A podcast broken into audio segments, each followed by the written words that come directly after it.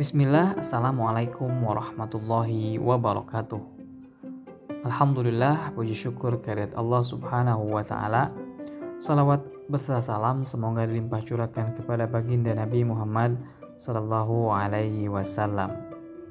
Baik sahabatku sekalian yang senantiasa dirahmati oleh Allah, yuk kita kembali ngopi, ngobrol penuh inspirasi dan motivasi. Adapun tema ngopi pada kesempatan kali ini adalah berbagi kepedulian. Ada banyak alasan untuk peduli. Alasan individu maupun sosial. Alasan rohani maupun psikis. Tapi sebelumnya mari kita review dulu pemahaman tentang peduli. Peduli itu yunfikun, berinfak dalam keadaan lapang maupun sempit. Sebagaimana penjelasan dalam surat Ali Imran ayat 134, apa yang diinfakkan tidak ada batasan. Tapi justru kondisi yang meliputinya yang menjadi penekanan dalam keadaan lapang maupun sempit. Jadi, peduli itu sikap mental, bukan materi. Peduli itu berasal dari jiwa, lalu menurun pada raga. Peduli itu empati yang mendorong diri untuk berbagi. Berbagi apa saja yang mendatangkan kebahagiaan. Itulah sebabnya di ayat lain Allah memberikan penjelasan bahwa ucapan yang baik dan ampunan itu lebih baik daripada sedekah yang diikuti caci maki. Secara individu, kepedulian itu menyehatkan jiwa, sebab fitrah manusia itu bergantung pada yang lain, membutuhkan saluran untuk berbagi. Jangankan masalah materi, sedangkan berbicara saja membutuhkan orang lain, saluran untuk berkomunikasi. Maka orang bakhil itu sesungguhnya mati rasa, kalau tidak boleh disebut dengan sakit jiwa. Analoginya, ruang yang sehat membutuhkan pintu, jendela, dan ventilasi. Agar ada sirkulasi udara, air pun jika tidak mengalir, ia akan rusak dan berbau. Maka ia mesti mengalir agar sehat dan jernih, suci dan mensucikan. Bahkan tubuh kita jika tidak bermetabolisme akan apa jadinya? Pasti akan jadi sarang berjuta penyakit. Maka demikian juga berlaku bagi jiwa kita. Jika enggan berbagi, ia akan stres sendiri. Dari sisi sosial, jelaslah kiranya manfaat berbagi.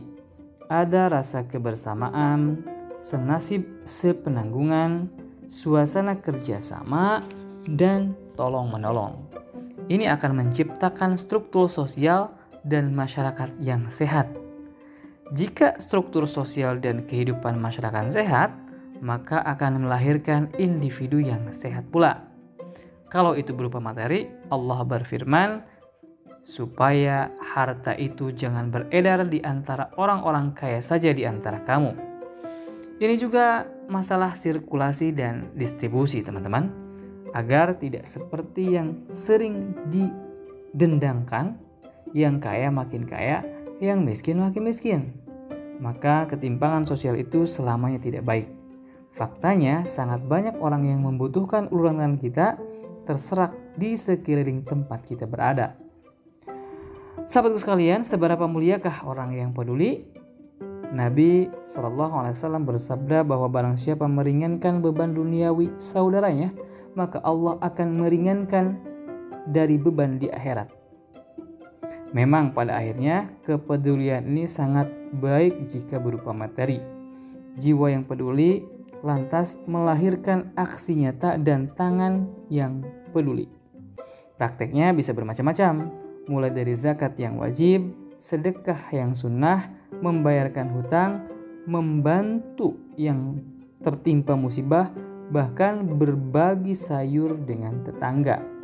Konon kabarnya Abu Bakar dulu sering menunggu orang lewat untuk diajak makan bersama karena tak sampai hati makan sendirian. Secara teknik ya, beginilah Al-Qur'an menggambarkan walladzina fi amwalihim haqqum ma'lum lis-sa'ili wal mahrum dan orang-orang yang dalam hartanya tersedia bagian tertentu bagi orang-orang miskin yang meminta dan orang-orang yang tidak menemui apa-apa. Al-Ma'arij ayat 24 dan 25. Ayat di atas adalah bagian dari ciri-ciri manusia istimewa yang disebutkan dalam surat Al-Ma'arij yaitu orang-orang yang di dalam perencana anggaran belanja rumah tangganya secara sadar mengalokasikan bagian untuk berinfak. Jadi tidak menunggu uang sisa atau kembalian belanja, tapi sejak awal diagendakan dan direncanakan. Nah, kalau seseorang bisa seperti ini, maka ia tergolong orang-orang yang jiwanya sudah terdidik untuk peduli. Kepedulian yang berasal dari jiwa lalu diwujudkan dalam bentuk kesadaran merencanakan infak. Wallahu alam demikian sahabatku sekalian tema ngopi pada kesempatan kali ini insya Allah kita akan ketemu di kesempatan ngopi berikutnya. Assalamualaikum warahmatullahi wabarakatuh.